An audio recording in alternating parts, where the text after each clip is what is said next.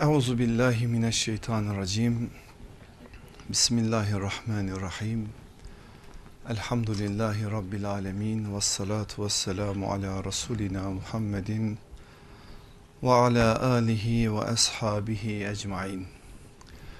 Kıymetli kardeşlerim, bir cumartesi gecesine daha eriştirdi Rabbim bizleri. Güzel günlerdeyiz hamdolsun. İki mutluluğu beraberce yaşıyoruz. Bir taraftan Recep-i Şerif'in içerisindeyiz. İnşallah Mevla'nın ikramiyesi olan bu güzel günleri ihya etmeye çalışıyoruzdur. İnşallah böyle bir gündemimiz vardır. İnşallah ilahi gündem bizim de gündemimiz olmuştur. İkinci güzellik ise Efendimiz Aleyhisselatü Vesselam'ın aleme teşrifinin miladi olarak yıl dönümünün içerisindeyiz. Onun da güzel bir hareketliliği var elhamdülillah memleketimizin her tarafında.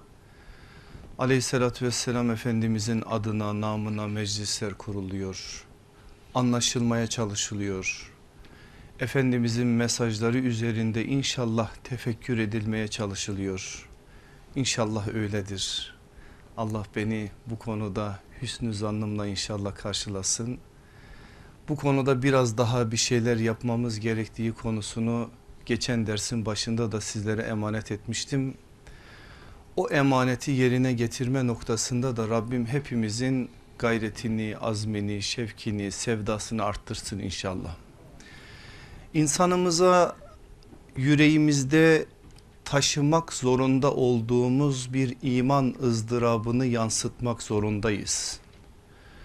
Bu işin sadece hocalara devredilmeyecek kadar mühim bir iş olduğunu da ara ara sizin nazarlarınıza veriyorum. Siz de muhakkak karşılaşmışsınızdır. Bazen biz de farkında olmadan aynı yanlışı yapıyoruz. Belli şeylerin iyileştirilmesi noktasında insanlara bir şeyler söyleyince yani emri bil maruf nehi anil münker görevini yerine getirince karşıdan muhataplardan iki tane bahane diyelim değil mi? Açıkça olsun. İki tane bahane ileri sürülüyor. Bunlardan birisi şu.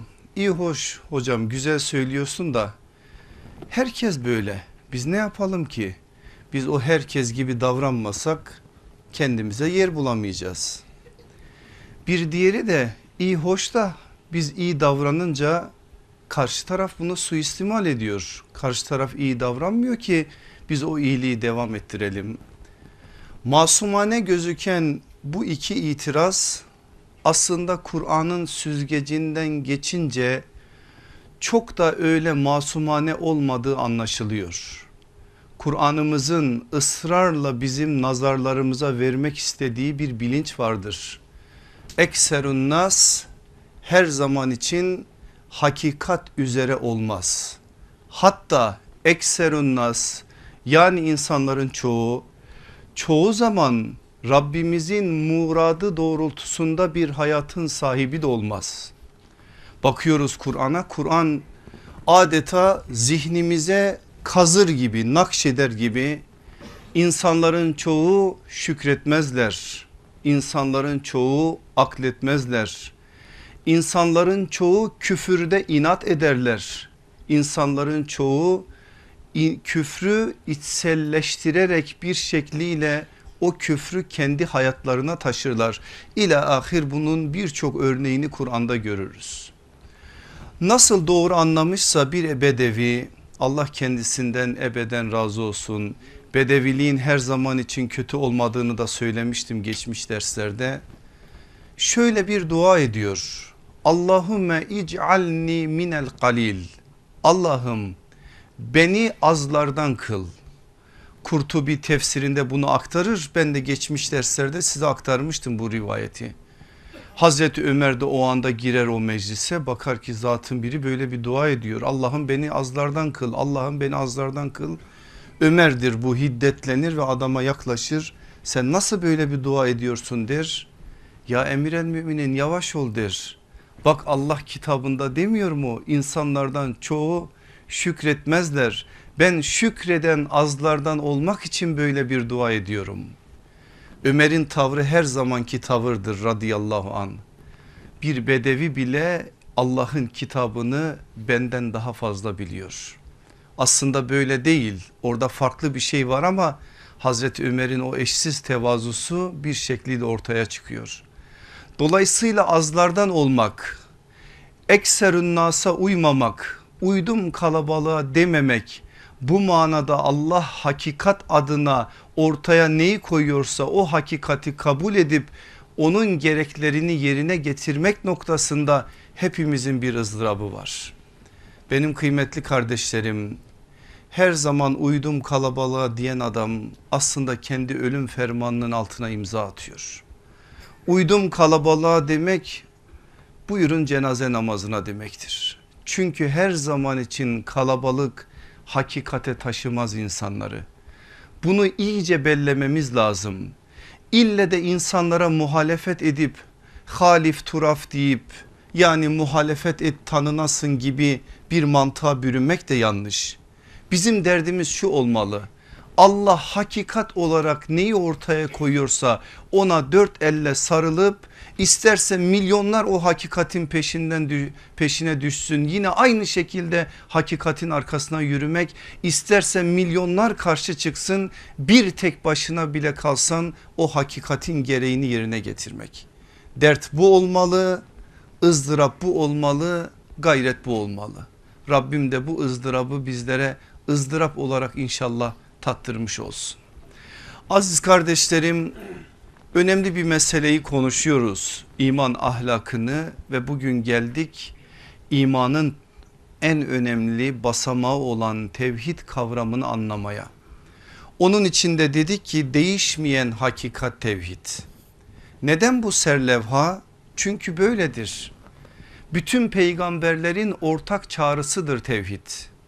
Ancak bütün peygamberlerde onlarca şey değişmesine rağmen değişmeyen tek hakikat tevhiddir.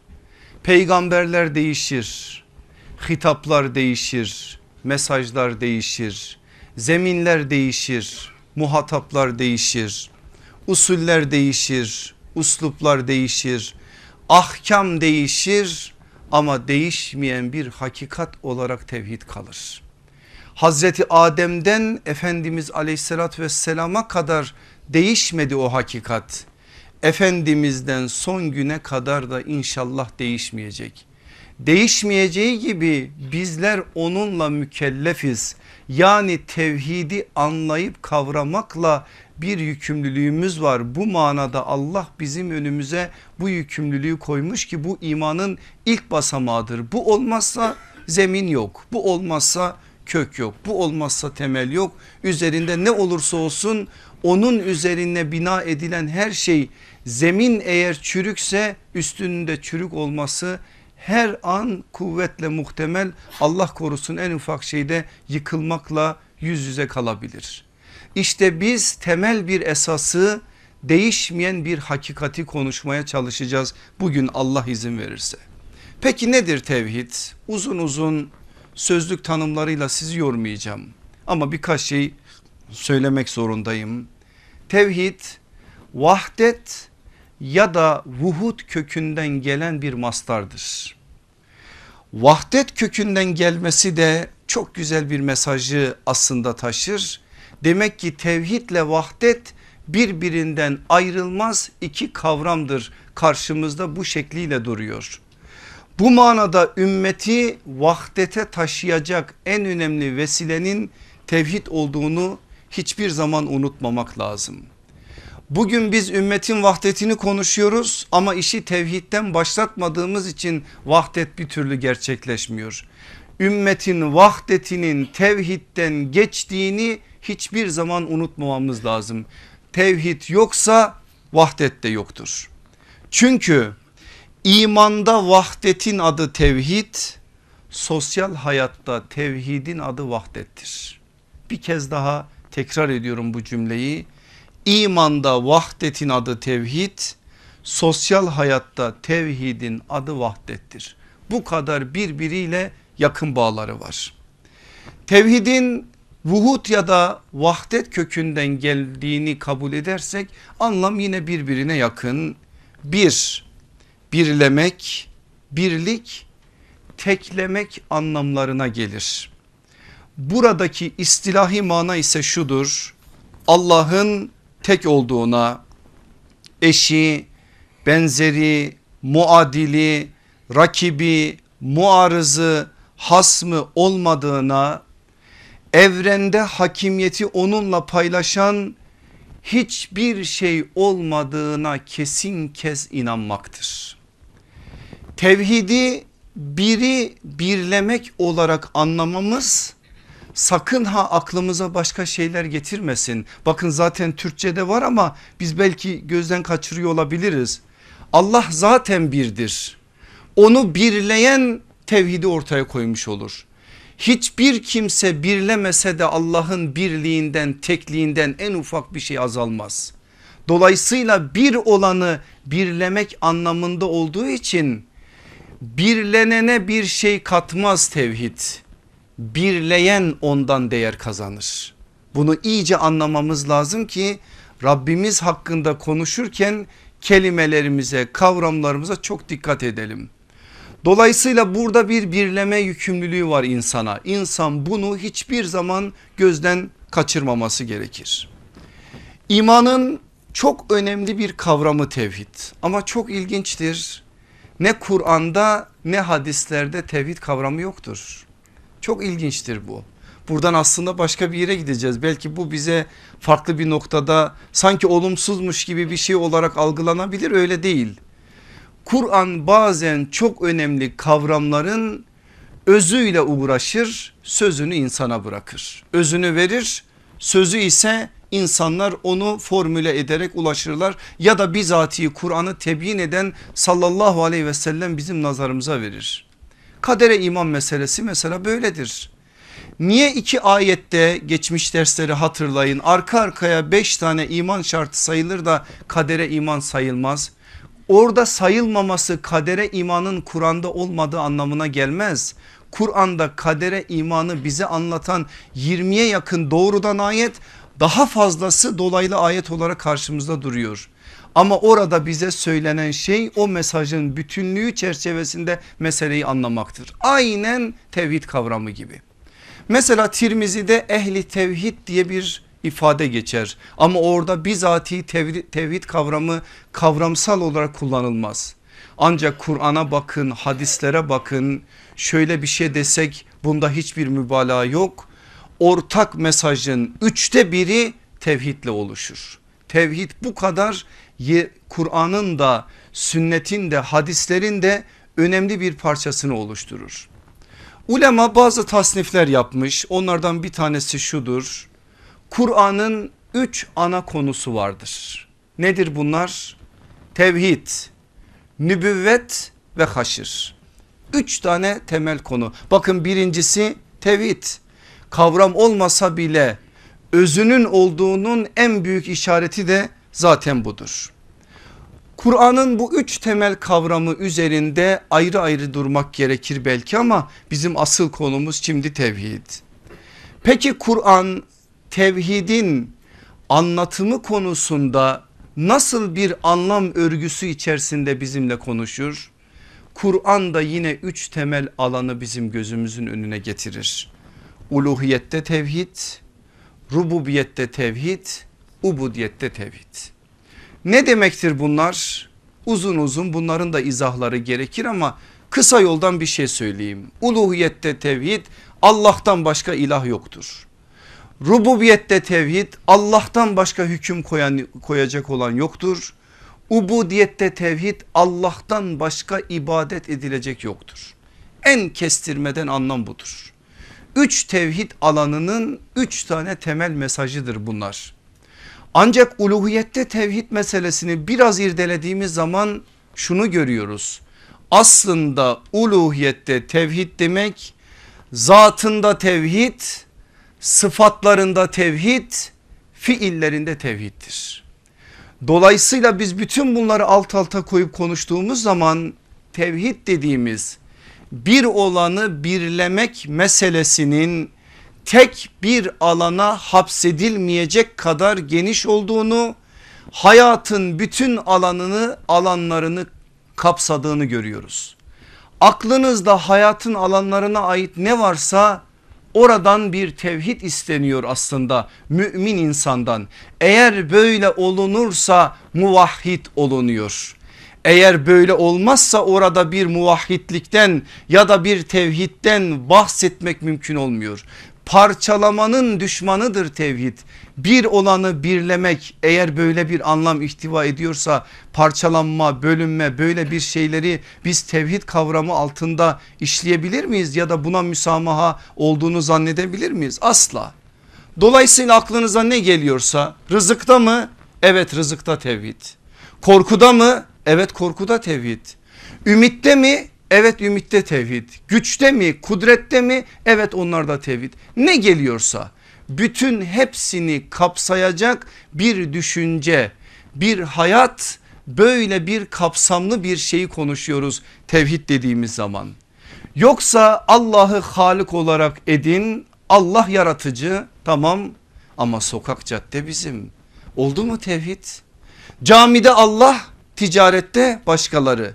Böyle bir şeyden tevhidden bahsedilmez. O zaman Mekke müşriklerinin yaptıklarıyla şu benim söylediklerimin arasında da bir fark olmaz. Onlar da aynısını söylüyordu. Çöller Allah'ın, gökler Allah'ın, yerin altı Allah'ın, denizler okyanuslar Allah'ın. E bize sadece şu Mekke, pazar, cadde, şuradaki hüküm koyduğumuz yerler bunlar da bizim. Böyle bir şeye işte şirk diyor Rabbimiz parçalanmışlığın her şeyi şirktir. Bunun oranının az ya da çok olması bir şey değiştirmiyor. Yüzde bir olsa yüzde on olsa yüzde doksan olsa oraya düşen her damla o tevhidi Allah korusun şirke götürüyor. İşte burada müsamaha yok. Bu noktada çok net bir şey görüyoruz İslam akaidinde akidesinde temel itikadımızın en hassas olduğu mesele bu. Bu hassas meselede Kur'an'ımızın da aleyhissalatü vesselam efendimizin Kur'an'dan aldığı ilhamla söylediği beyanlar ve uygulamalarında da bu müsamahasızlığın ne kadar üst düzeyde olduğunu görüyoruz ki ben bir miktarını size söyleyeceğim. Parçalanmışlık parçalamak nedir? belki çok ağır bir ifadedir ama ancak böyle söylenebilir. Firavunluktur. Eğer ben şurada hüküm sahibiyim burası bana ait buradan geri kalan her taraf Rabbimin Rabbimin de, dese bile ama şu kadarı şu bir, bir karış kadarı benim dese bile orada ortaya atılan adım firavunluk adımıdır. Hatırlayın Kur'an'da Naziyat suresindeki o dehşet ifadeyi. Firavun ben sizin ilahınızım demiyor. Gökleri yaratan Allah olduğuna inanıyor. Yağmuru yağdıranın Allah olduğuna inanıyor. Bu manada Firavun'un akidesinde de bir sıkıntı yok. Ama Firavun'un dediğini Naziyat suresinden öğreniyoruz. Ene rabbikumul a'la. Ben sizin yüce Rabbinizim. Ne için? Hükmü ben koyarım. Dünyaya ben müdahale ederim. Sizin dünya işlerinizin müdebbiri benim, evirip çevireni benim. Ben burada söz sahibiyim.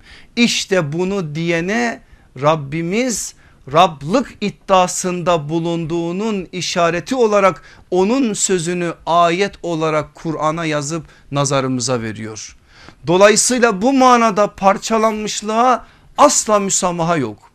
Hatırlayın Mekke toplumunu. Mekke toplumu ateist bir toplum muydu? Asla dindar bir toplumdu. Çok ciddi dini değerleri vardı. Kendilerine özgü namazları vardı, kurbanları vardı, oruçları vardı, hacıları vardı. Az çok zekat adına, sadaka adına, infak adına bazı şeyler yapıyorlardı. Hacılara su veriyorlardı, hacıları doyuruyorlardı, misafire ikram ediyorlardı. Yani bugün bizim dindarlık adına saydığımız birçok şey Mekke insanında vardı. Sadece Mekke insanının hüküm koyma konusunda arızaları vardı. Onlar diyorlardı ki tamam her şey Allah'a sadece şu 10 bin nüfuslu Mekke'nin bu manadaki bazı işleri bize bu konuda da bize bir şey söylenmesin. Bu konuda kendilerine ait bazı işler ortaya koyuyorlardı. Ama buna işte müsamaha yok. Tevhid kesinlikle en ufak bir tavizi asla kaldırmıyor. Bu konuda Rabbimizin söyledikleri çok nettir ve serttir. Bu konuda sallallahu aleyhi ve sellemin ortaya koydukları da aynen Rabbimizin söylediği ortaya koyduklarıyla birebir aynıdır. Şimdi biz bu çerçevede bazı meseleleri anlayabilmemiz için biraz meselenin içine doğru girmemiz lazım. Aziz kardeşlerim tevhidin üç temel muhatabı var. Bu kelimeyi kullanırken de korkuyorum ama başka da bir şey aklıma gelmiyor. Muhataplardan bir tanesi Rabbimiz. Bir tanesi insan bir tanesi kainat. Bunu şöyle de anlayabiliriz. Birincisi bir olan ve birlenen Allah. İkincisi biri birlemek zorunda olan insan. Üçüncüsü birin yarattığı imtihan yurdu olan dünyanın da içinde bulunduğu kainat. Şimdi çok geniş izahlar yapmak lazım ama gerek yok o kadar izaha. Ben biraz size net şeyler söyleyeyim ama altını ne olur siz doldurun. Özellikle bazı derslerde bunu söylemem bundan dolayıdır. Burada çok geniş izahlar yapmaya imkanımız yok ama bunlar bu kadar da kısa yoldan geçiştirilecek meseleler de değil. Bu üç tane temel meselenin ekseninde biz tevhid kavramını anlamaya çalışırsak Rabbimizin nazarında tevhid ne demektir? Bir, tevhid Allah'ın sıfatlarında ve fiillerinde mükemmelliğinin ilanıdır. İki, tevhid Allah'ın kulları üzerindeki hakkıdır. Üç, tevhid Allah'ın en hassas olduğu mevzudur. Dört, tevhid Allah'ın kullarını elçileri aracılığıyla davet ettiği en temel hakikattir. 5. Tevhid Allah'ın kullarına mükafatlarını ulaştıracağı en önemli sebeptir. Dedim ya izah ister ama ben izaha girmeyeceğim. İnsan ekseninde tevhid nedir? Meselenin insan boyutuyla baktığımız zaman çok daha farklı yerler yakalayacağız. Bakın tevhid ruhun, aklın ve bedenin özgürlüğüdür. Eğer bir insan tevhidi anlamış, kavramış ve kabul etmişse o insan özgürdür. Çünkü özgürlüğün yolu Abdullah olmaktan geçiyor. Allah'a kul olan insan gerçek manada özgür olabilir. Allah'a kul olmayan onlarca kapının kuludur. Kendisi istediği kadar desin ben değilim. En başta kendi hevasının, hevesinin, nefsinin, hazzının, hızının kuludur. İstediği kadar ben Tanrı tanımıyorum desin. İstediği kadar kendisini farklı yerlerde konuşlandırsın. Allah'a kul olan insan gerçek manada özgürlüğü elde eder. Hatırlıyor musunuz Rebi İbni Amr'ın Rüstem İzal'ın karşısında söylediği o güzel sözü. Neye geldiniz? Cevap şu sizi Allah'a kul etmeye geldik. Kula kulluktan kurtarıp Allah'a kul etmeye geldik. Dinlerin sömürüsünden kurtarıp İslam'ın rahmetine kavuşturmaya geldik. Dünyanın darlığından kurtarıp ahiretin genişliğine kavuşturmaya geldik. Allah senden ebeden razı olsun ey Rebi İbn Amr. Bir insan ancak bu kadar güzel anlayabilir tevhidi ve bu kadar güzel anlatabilir. Karşısındaki devrin en süper gücüne üç cümle ile neye geldiğini anlatırken aslında anlattığı o cümleler üzerinden İslam'a da davet ediyor. Aslında o söylenen söz kendine gel Kul ol Allah'ın kulu ol ki başka şeylerin kulu olmayasın ey Rüstem demenin işaretidir ama adam anlamadı. Hidayet yolları ona kapalıydı o ayrı bir şey. Dolayısıyla tevhidi insan ekseninde konuştuğumuz zaman ilk başta konuşacağımız bu. İkincisi tevhid insana şeref kazandırtan en önemli adımdır. 3. Tevhid insanın fıtratına kodlanmış huduri bir bilgidir. İnsan şirke meyyal olsa da böyledir. Dedim ya izahı gerekir ama girmeyeceğim. 4. Tevhid insanı parçalanmaktan, bölmekten, bölünmekten kurtaran en mühim vesiledir. 5. Tevhid bütün beşeri boyalardan arınıp Allah'ın boyası ile boyalanmaktır. Aslında la ilahe demek bu. Bütün boyalardan sıyrılıp illallah Allah'ın boyasıyla boyalanmak. Allah bizleri kendi boyasıyla boyasın. Aklımızda, zihnimizde, hayatımızda, düşüncelerimizde ne varsa tevhidi zedeleyecek inşallah söküp atsın. Bize bu konuda merhamet etsin. Zor bir iş gerçekten zor. İnsanın ödünü koparacak kadar zor. Allah bize bu konuda yardım etsin ki biz yanlış yerlere sevk olmayalım inşallah. Kainat ekseninde tevhid dikkat buyurun yine. Bir tevhid kainatın hakikatidir. İki tevhid varlığın sırrıdır. Bazıları bu sır kelimesine takıyorlar. Taksınlar ama öyledir gerçekten sırrıdır. Çünkü anlaşılmaz bazı şeyler. Rabbimiz bize ne kadar anlatırsa biz o kadar anlarız. Onun için tevhidin sır boyutu da var. Tevhid varlığın sırrıdır. Üç, tevhid alemlerin dengesidir. Dört, tevhid bütün bir varlığın Allah adına ve Allah namına okunmasıdır. Beş, tevhid mahlukatın kesreti üzerinden Halık'ın vahdetine ulaşmaktır. Dikkat buyurun. Mahlukatın kesreti üzerinden Halık'ın vahdetine ulaşmaktır. Eğer bir insan kainat kitabını doğru okursa bütün ön yargılardan sıyrılarak bütün beşeri zaafiyetlerini bir tarafa bırakarak kainatı bir kitap olarak anlasa ve okumaya çalışsa inanın kainat kitabı onu tevhide ulaştırır. Örnek mi istiyorsunuz? Alın size Hazreti İbrahim'in örneği. Muhteşem bir örnektir o. Muhteşem bir örnektir. Kur'an o örneği bunun için anlatır. Neye bakarsan bak mahlukat kesrette evet çok İnsanlar çok, bitkiler çok, affedersiniz hayvanlar çok, böcekler çok. Aklınıza gelen onlarca şey, yüzlerce şey, binlerce şey sayabilirsiniz. Onlar ne kadar çoksa o çokluk aslında bir teke işaret ediyor. Niçin? Yedullu ala innehu vahid. Onların hepsi bire işaret ediyor. Birin bir olduğunu, bir olduğunun delilidir. Bunun birçok örneği var da siz biz kendimize baksak anlayacağız. Mesela 7 milyar insan değil mi şu gün şu anda insanlığın sayısının öyle olduğu söyleniyor. Var mı birbirine benzeyen? Var mı parmak izlerinin aynısının olan? Var mı DNA'sı aynısı olan, genetiği aynısı olan, göz retinası aynısı olan? Nasıl bir yaratıcı var ki bu kadar insanı bu kadar orijinal bir biçimde yaratmış.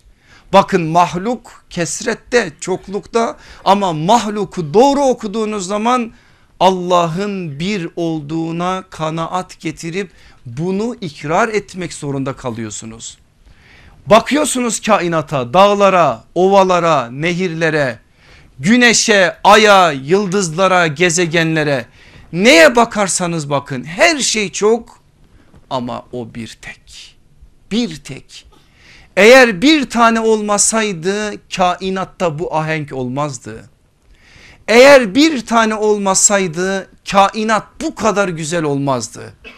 Eğer bu kadar bir tane olmasaydı kainat yaratıldığı günden bugüne kadar böyle bir nizam içerisinde yürüyüp gelmezdi. Bütün hepsi ne kadar çok olursa olsun mahlukatın kesreti bizi Halık'ın vahdetine yani tekliğine birliğine götürecektir. Ve bizi şehadet ettirecektir. İnşallah edenlerdeniz bizler de. Aziz kardeşlerim Esmaül Hüsna dediğimiz Rabbimizin o güzel isimleri birçok isimle bize Rabbimizin tekliğini birliğini anlatır. Ama iki isim var ki direkt tevhidle alakalıdır. Hangi isimler onlar? Vahid ve ahad. İkisi de aynı anlama geldiğini zannederiz biz.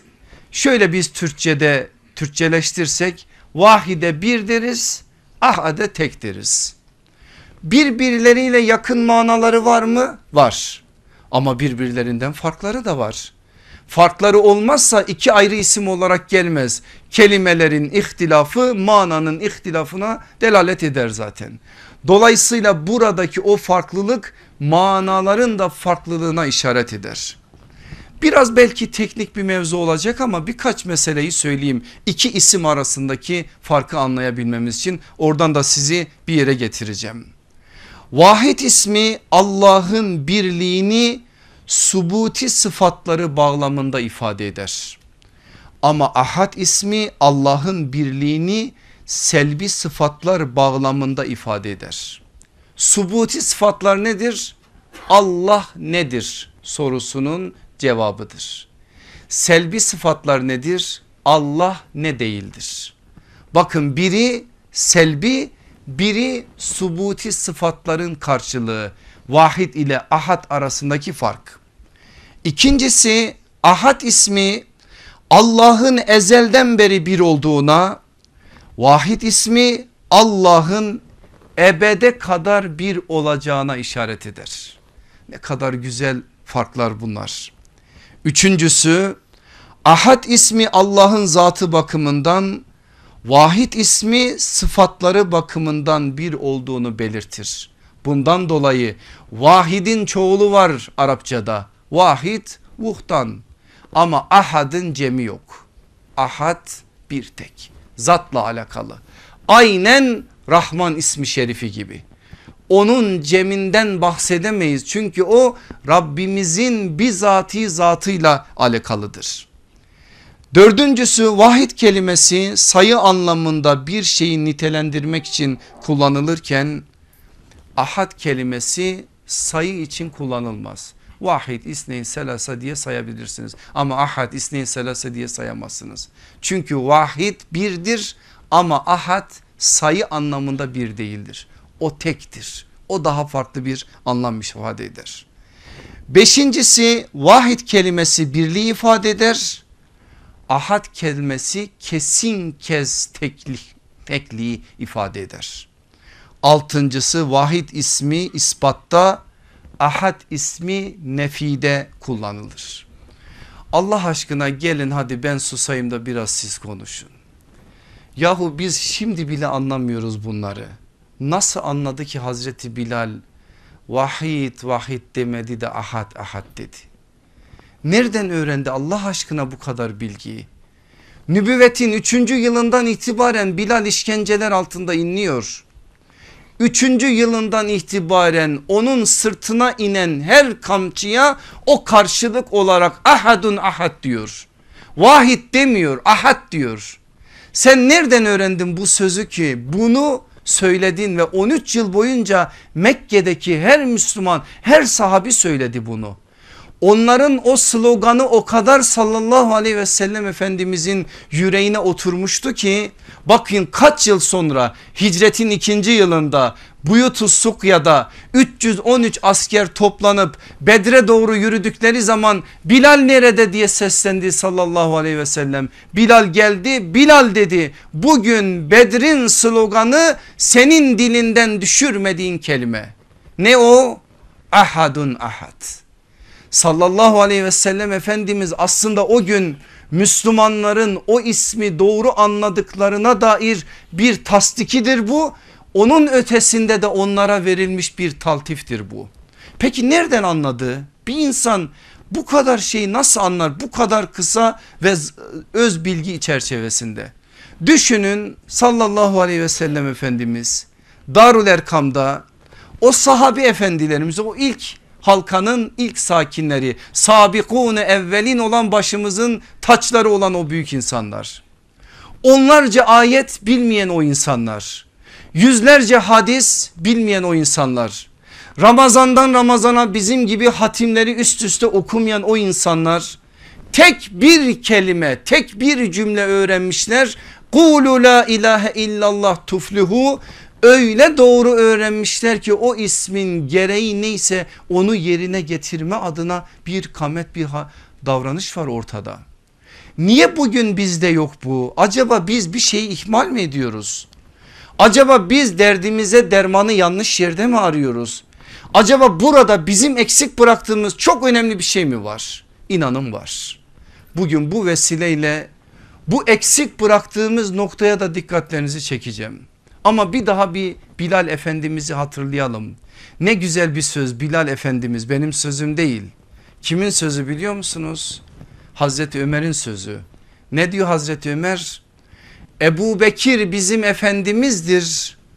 O bizim diğer efendimiz olan Bilal'i azat etmiştir. Bunu söyleyen Ömer yıllar yılı ta 30 küsürlü yaşlara kadar Bilal'le konuşmaya tenezzül etmeyen adamdır. Bilal'i gördüğü zaman Mekke'de yolunu çeviren adamdır.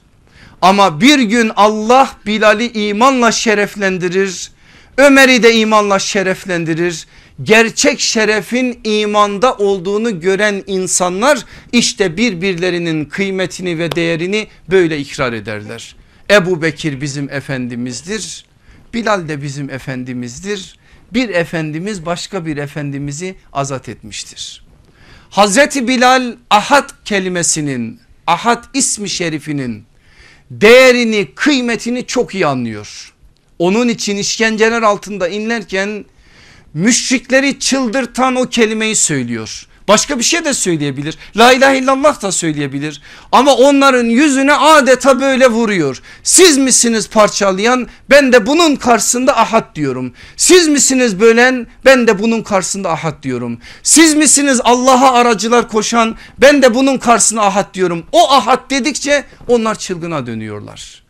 Ve işkenceler altında inliyor. Ne kadar?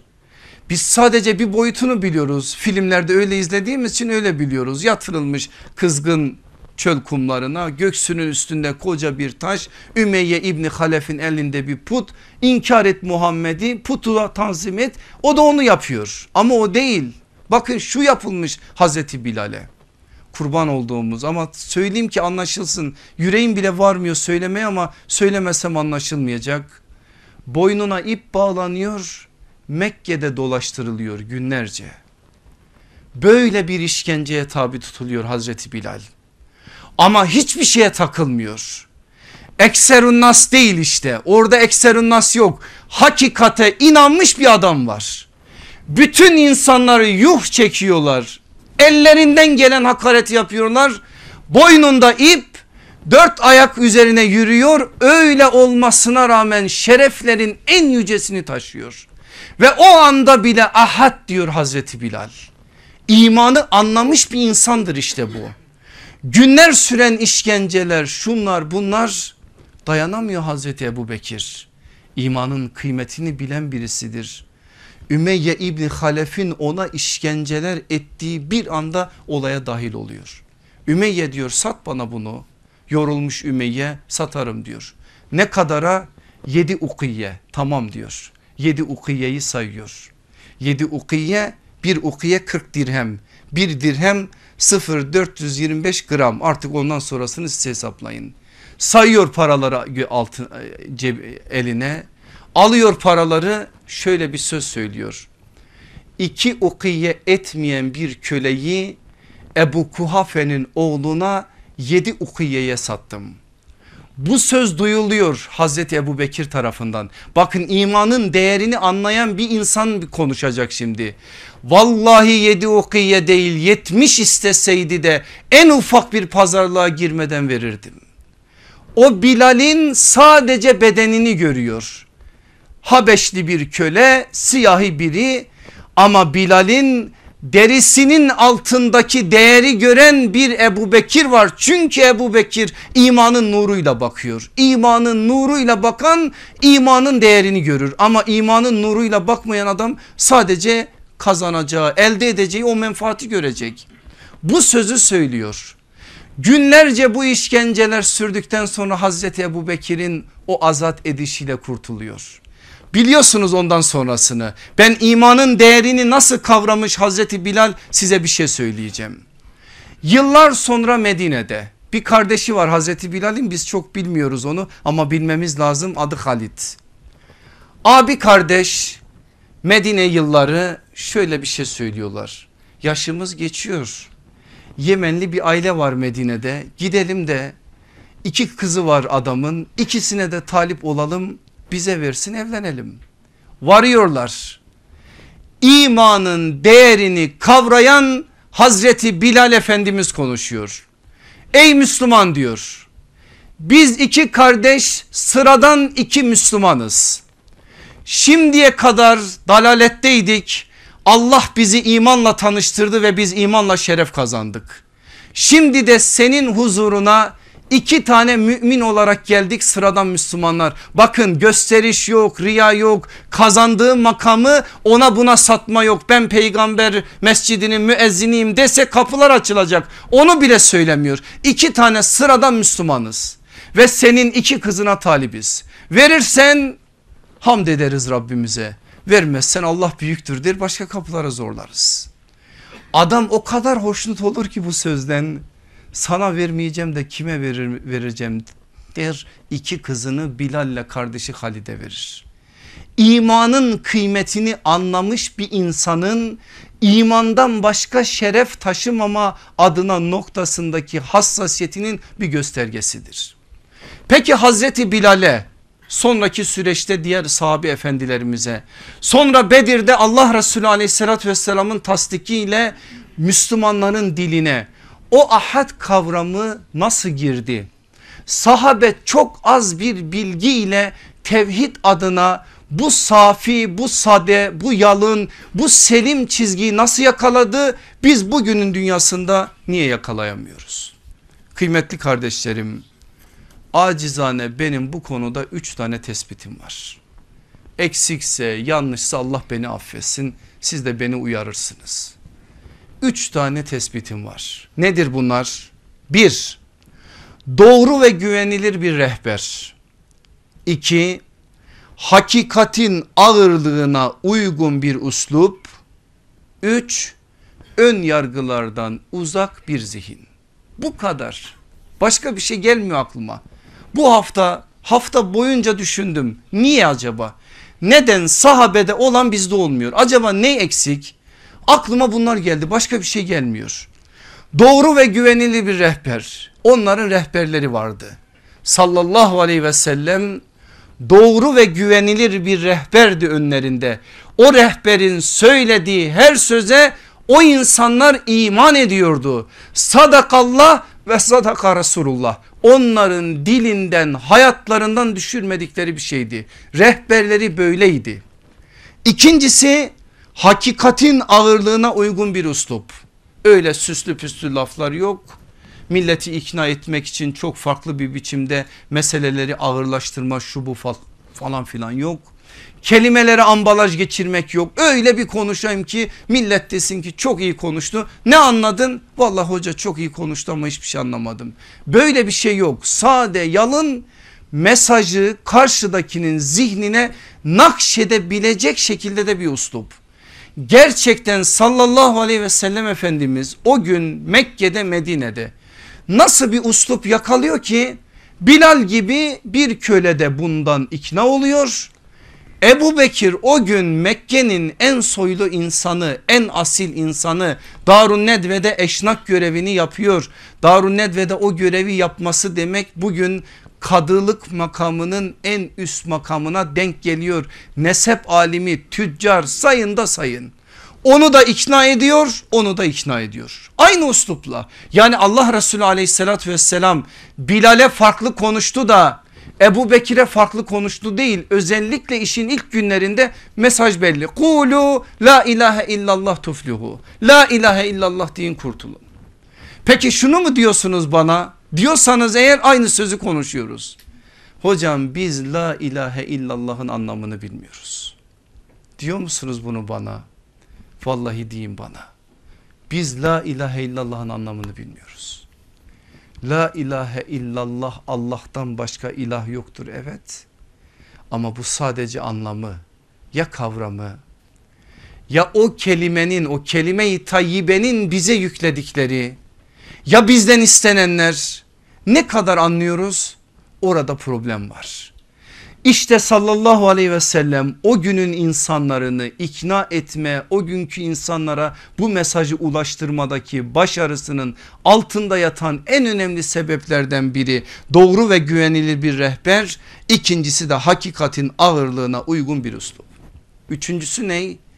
Ön yargılardan uzak bir zihin. Bu o kadar zor ki bizim için.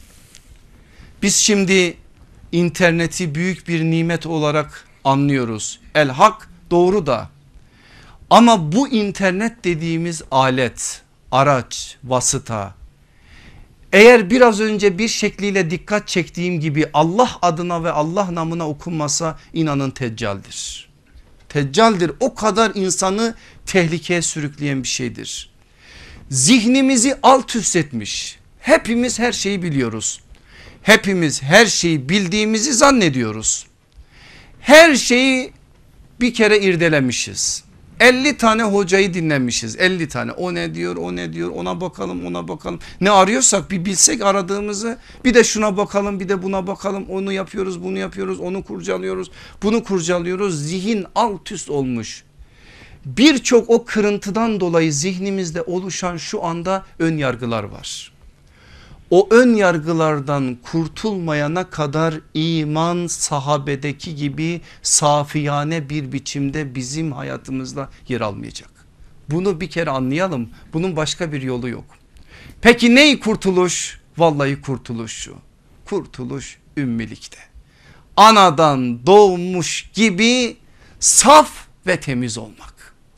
Ön yargıların hepsini silip süpürmek anneden doğmuş gibi saf ve temiz bir hale getirmek zihni. Böyle bir hale gelmeyene kadar da Kur'an bizi adam etmeyecek. Allah Resulü aleyhissalatü vesselamın sözü sedası bizde sahabedeki kadar yankı oluşturmayacak. Bunu bir kere anlayalım ki yanlış yerlerde dertlerimize derman aramayalım. Bu üç şey onlarda bir avantajdı. Yani sahabe dediğimiz o güzel nesilde. Allah Resulü aleyhissalatü vesselam da la ilahe illallah kelime-i tevhidini onların zihin dünyalarına o ümmi olanlara o günün dünyasında da ümmi olmayanlar var. Mesela biz Ebu Cehil'e Ebu Cehil diyoruz. Ebu Cehil o lakabı almadan önce Ebul Hakem'di. Hikmetin babasıydı. İslam'dan sonra adamın adı değişti. Adam onun İslam'dan önce Ebul Hakem diye biliniyordu. Asıl adı Amr İbni Hişam ama onun lakabı Ebul Hakem. Hikmetin babası. Okuma yazma biliyor mu? Biliyor. Hikmet adına birçok şeye vakıf mı? Vakıf. Bugünün dünyasının diliyle konuşacak diploması var, kariyeri var, malı var, mülkü var, var oğlu var. Bütün bunlar var Allah Resulü aleyhissalatü vesselam ona diyor sen diyor cehaletin babasısın. Neden? Ümmi değil. Zihin alt üst olmuş öyle bir zihinle peygamber konuşsa da ikna olmayacak ve, ve de olmuyor. Peygamber karşısında olmuyor. Düşünün Firavun gibi zalimliği Kur'an'a girmiş bir adamın koynundaki Asiye Müslüman oluyor. Evi Kabe'nin karşısında olan 13 yıl boyunca Kabe'yi gören peygamberi gören Ebu Cehil cehaletin babası olarak cehennemi boyluyor. Nasıl anlarsınız Allah aşkına bunu? Biri ümmilikle kurtuldu biri o ön yargılarının kurbanı oldu. Ümmilik onun için önemli sahabeyi kurtaran da buydu bir kez daha ümmileşirsek Allah'ın izniyle Kur'an'daki birçok hakikati ashab-ı kiram efendilerimiz kadar olmasa bile çünkü onlar vahyin canlı tanıklarıydılar. Onların farklı bir avantajları var ben de onu kabul ediyorum ama onlar kadar olmasa bile en azından bizim şu anki durumumuzdan kat kat daha farklı bir biçimde anlayacağız. Allah bize böyle bir anlayışı nasip eylesin. Aziz kardeşlerim biraz size örnek vermek istiyorum. Bu söylediklerim bilgiler olsun.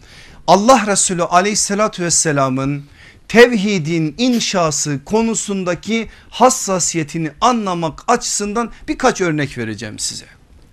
Zeyd İbni Halid El Cüheyni isimli sahabi efendimiz bize naklediyor. Büyük bir sahabi efendimizdir. Ben de herhalde şimdiye kadar size anlatmadım. Hudeybiye ashabındandır. Allah Resulünden 81 tane bize hadis rivayet etmiştir. Mekke'nin fetih günü Cüheyne kabilesinin sancakları odur. Efendimiz onu çok sever, çok takdir eder. Böyle bağları olan bir sahabi efendimizdir. Başka bir zaman inşallah size biraz daha detaylı hayatından bahsederim. Hudeybiye'de şahit olduğu bir şeyi anlatıyor bize. Allah Resulü aleyhissalatü vesselam ve 1400 ashabı Hudeybiye'de konadık, konakladıkları bir gün gece yağmur yağıyor. Baya bir yağmur. Aleyhissalatü vesselam Efendimiz sabah kalkıyor sabah namazına cemaatin önüne geçiyor sabah namazını kıldırıyor. Sonra ayağa kalkıyor yüzünü cemaate dönüyor ve orada bir hutbe irat ediyor sallallahu aleyhi ve sellem Efendimiz. Bukhari'den nakledeceğim şimdi hutbeyi size. Ne diyor biliyor musunuz Efendimiz? Rabbinizin bu gece bana ne buyurduğunu biliyor musunuz? Sahabe Allah ve Resulü daha iyi bilir diyorlar. Ve Efendimiz konuşmaya başlıyor. Kur'an'dan başka vahiy var mı var mı yok mu ben bilmem ama burada bu rivayet var. Bukhari'de geçen bir rivayet Rabbimizin bu gece buyurduğunu anlatıyor sallallahu aleyhi ve sellem. Rabbim buyurdu ki kullarımdan bir kısmı mümin bir kısmı kafir olarak sabahladı.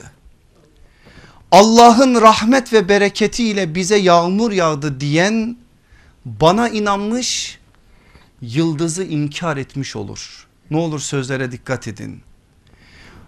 Falan ve filan yıldızın batıp doğması ile üzerimize yağmur yağdı diyen de beni inkar etmiş yıldıza inanmış olur. Bukhari'nin ezan babının 156 numaralı hadisi. Ne konuştu sahabe? O gün Mekke müşrikleri ne konuştu bunu bilmiyoruz. Yani biraz belki detaylı irdelense hadisin şerhlerine bakılsa sebebi vuruduna bakılsa biraz zemin araştırılsa belki bir şeyler bulunabilir ama ben ciddi bir biçimde bakamadım onu söyleyeyim ama buradan mesaj anlaşılıyor. Ne dedilerse muhakkak şöyle bir şey demek ki o gün yağmurun yağmasını semadaki bazı yıldızlara bağlayan birileri var. Allah'ın fiillerindeki tevhidini zedeleyen yağmurun yağmasını yıldıza bağlayan birileri var. İşte buna karşılık Rabbimiz konuşuyor. Her kim Allah'ın rahmetiyle bereketiyle yağmur yağdı derse o Allah'ı birlemiş olur. Ama bunun dışında başka bir şeye bağlayan biri müşrik olur kafir olur. Bu kadar net sallallahu aleyhi ve sellem bu hutbeyi irad ederken sahabenin alnından aşağıya terler boşanıyor. Tevhid dediğimiz şeyden konuşuluyor. Bizim kadar rahat değiller ki. İmanı konuştukları zaman tir titreyen bir nesilden bahsediyoruz. Bu kadar hassas bir mesele konuşulacak. Efendimiz böyle bir halde konuşacak. Bir hutbede irad edecek. Düşünün siz sahabenin o andaki halini. Ebu Vakit El-Leysi isimli sahabi efendimiz naklediyor. Huneyn gazvesi sırasındaydık diyor. Daha yeni Müslüman olmuş bir grup insan sallallahu aleyhi ve sellemin yanına geldi. Dediler ki ya Resulallah müşriklerin bu yol üzerinde zatı envat dedikleri bir ağaç var.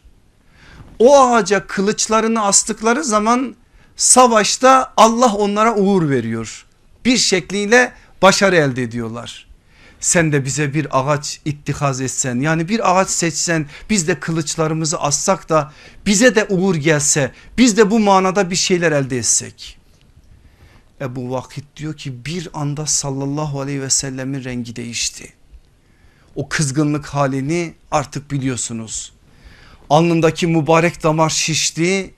şöyle kıpkırmızı kesilmiş. Hatta bu vakit diyor ki böyle boncuk boncuk Efendimiz aleyhissalatü vesselamın terlediğine şahit oldum. O kadar sinirlenmiş Efendimiz aleyhissalatü vesselam.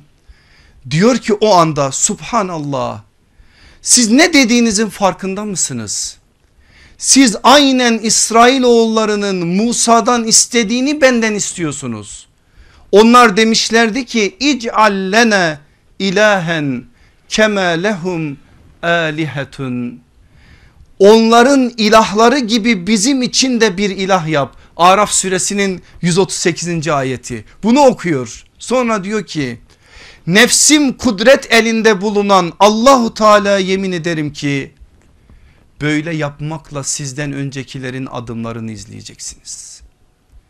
Bakın sallallahu aleyhi ve sellemin tevhid konusundaki hassasiyetine o anda Efendimiz aleyhissalatü vesselamın bu karşılığı vermesi boşuna değil benim aziz kardeşlerim. En hassas meseleyi konuşuyor sallallahu aleyhi ve sellem Efendimiz. Abdullah İbni Abbas bize naklediyor. Adamın biri geldi diyor Efendimizle konuşuyor. Konuşurken sözünün bir yerinde şöyle bir cümle kullandı. Çok masumane bir cümle bizim için ama Efendimizin tepkisine bakın.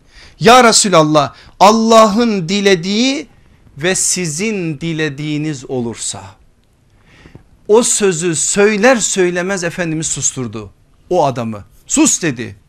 Sen ne dediğinin farkında mısın? Nasıl sen beni Allah'a denk tutarsın? Ne demek Allah'ın dilediği ve benim dilediğim? Meşiyet yani dilemek sadece Allah'ındır. Allah'ın dilediğini de sözünü tamamla çek git. Ahmet bin Hanbel'in müsnedinde geçen bir rivayet. Allah'ın dilediği ve senin dilediğin sözüne böyle bir tepki gösteriyor sallallahu aleyhi ve sellem. Yani tevhid konusunda en ufak sapmaya tahammülü yok Efendimizin. Bu konuda bu kadar serttir. Bir şey söylendiği zaman eğer orada bir ufacık yanlışlık olursa hani dedim ya yüzde bir yüzde bir olsa bile müdahale var. Bakın başka bir şey söyleyeceğim size. Dikkat edin Allah aşkına söze. Adi İbni Hatem Efendimiz çok sever bu zatı. Babası Hatemi Ta'i Arapların cömertlikle dillere destan olacak şekilde efsaneleştirdikleri bir isimdir. O ismin oğlu bu geliyor Müslüman oluyor Efendimiz'e Müslümanlığına çok seviniyor. Onunla Efendimiz aleyhissalatü vesselam arasında epey de rivayet var. Efendimizin huzurunda bir konuşma yapıyor. Bakın konuşmasında ne diyor? Her kim Allah ve Resulüne itaat ederse şüphesiz doğru yolu bulmuş olur. Var mı bu sözde bir şey arkadaşlar? Dikkat edin. Her kim Allah ve Resulüne itaat ederse şüphesiz doğru yolu bulmuş olur. Sözde bir şey yok. O ikisine isyan eden ise muhakkak sapıtmıştır. İkinci cümlede var mı? Var. Ne var? Allah Resulü aleyhissalatü vesselam diyor ki sen ne fena bir hatipsin. O ikisine diyeceğin yerde aynen birinci cümlende dediğin gibi Allah ve Resulüne isyan eden ise muhakkak sapıtmıştır deseydin ya niye Allah'la Resulünü aynı zamirde huma diye andın? Allah ve Resulü de ama o ikisi deme o ikisi diyemezsin o ikisi dediğin zaman tevhid zeminini bir şekliyle sen farklı bir noktaya çekersin. Ve sallallahu aleyhi ve sellem Efendimiz bu kadar hassas davranıyor. Bu manada bir şeye tahammülü yok. Çünkü mesele çok hassas bir meseledir. Mesele gerçekten insanın ayağını kaydıracak kadar önemli bir meseledir. Rubeyye binti Muavviz isimli hanım sahabi ki başımızın tacıdır o da. Düğünü olmuş sallallahu aleyhi ve sellem de düğününe gidiyor. O anda çocuklar ellerinde defler Efendimiz'i de görünce coşuyorlar. Bedir gazileri için şehitleri için bazı ilahiler söylüyorlar. O anda Efendimiz içeriye girince bir müddet sonra sözler değişiyor. İçlerinden biri şöyle bir söz ediyor. İçimizde yarın ne olacağını bilen Allah'ın peygamberi var. Düğün Ama itidal adına hiçbir şeyde tavizi olmayan sallallahu aleyhi ve sellem susturuyor çocukları. Susun diyor öyle demeyin. Vallahi ben yarın nefsime ne yapılacağını bilmiyorum. Allah bana ne bildirirse ben onu bilirim. Allah'ın bildirdiğinin dışında benim bir bilgim yok ki. Nasıl böyle bir söz söylersiniz bana? Siz bu sözleri bırakın biraz önce söylediğiniz gibi Bedir şehitleri ve gazileri için söyleyeceğinizi söyleyin deyip onlara yine eski ilahilerini söylettirir sallallahu aleyhi ve sellem.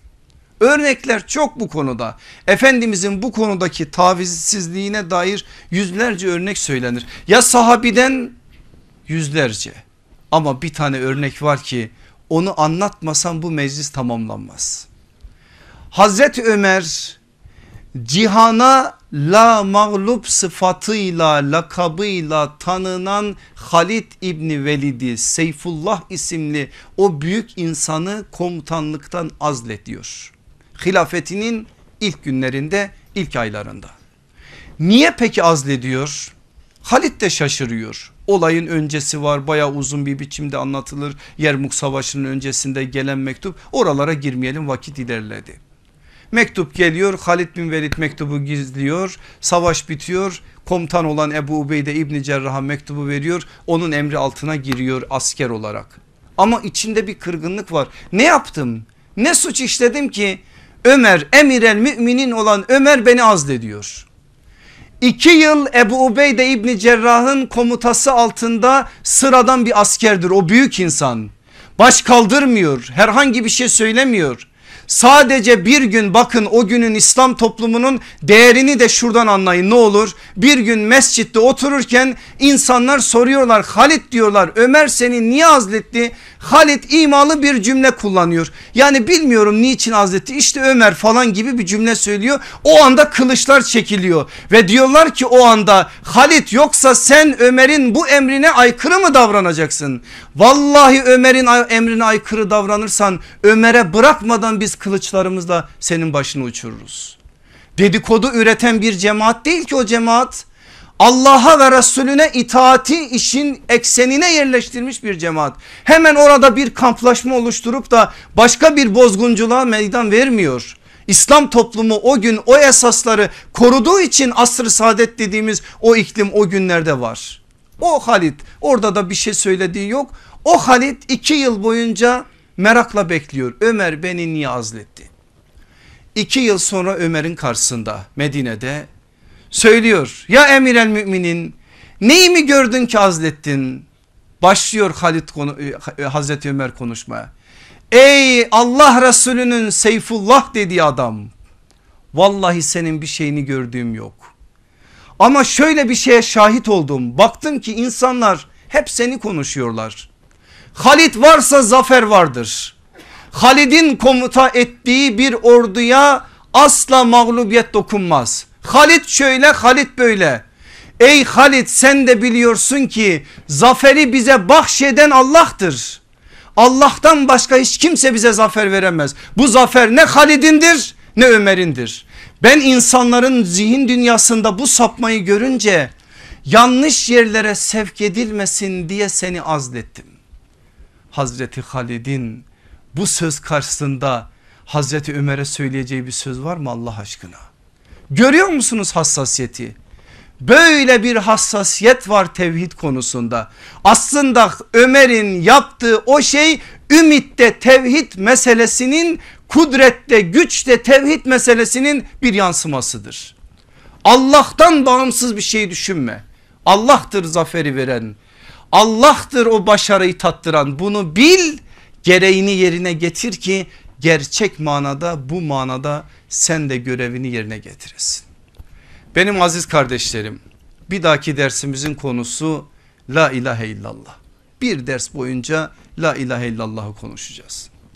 Ama ben o kadar çalışıyorum siz çalışmasanız sığar mı adalete size bir görev vermek istiyorum bir ödev vermek istiyorum. Alan alır yapan yapar yapmayan yapmaz bilmem ama ben vermek istiyorum size.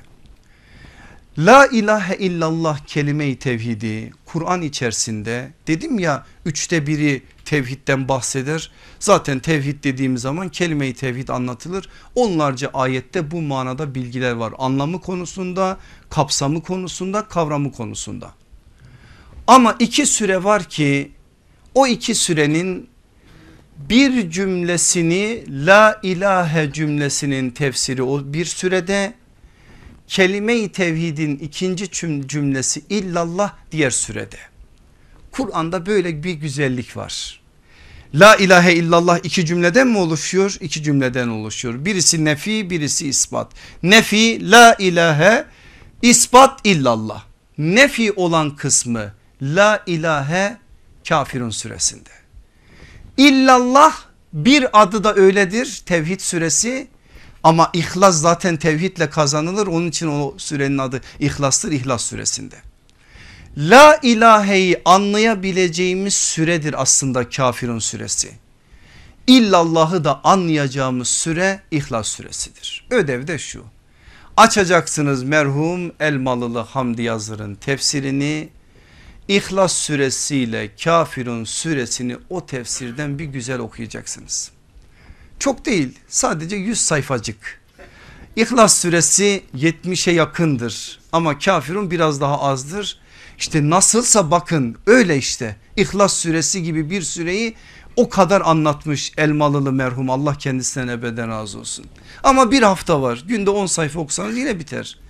Bir hafta boyunca o tefsirin o bölümlerini Kafirun ve İhlas suresini okuyalım ki asıl burada söyleyeceğimiz sözler daha iyi anlaşılsın. Ben tefsirine girmeyeceğim yine la ilahe illallah'ın kavramı üzerinde duracağım.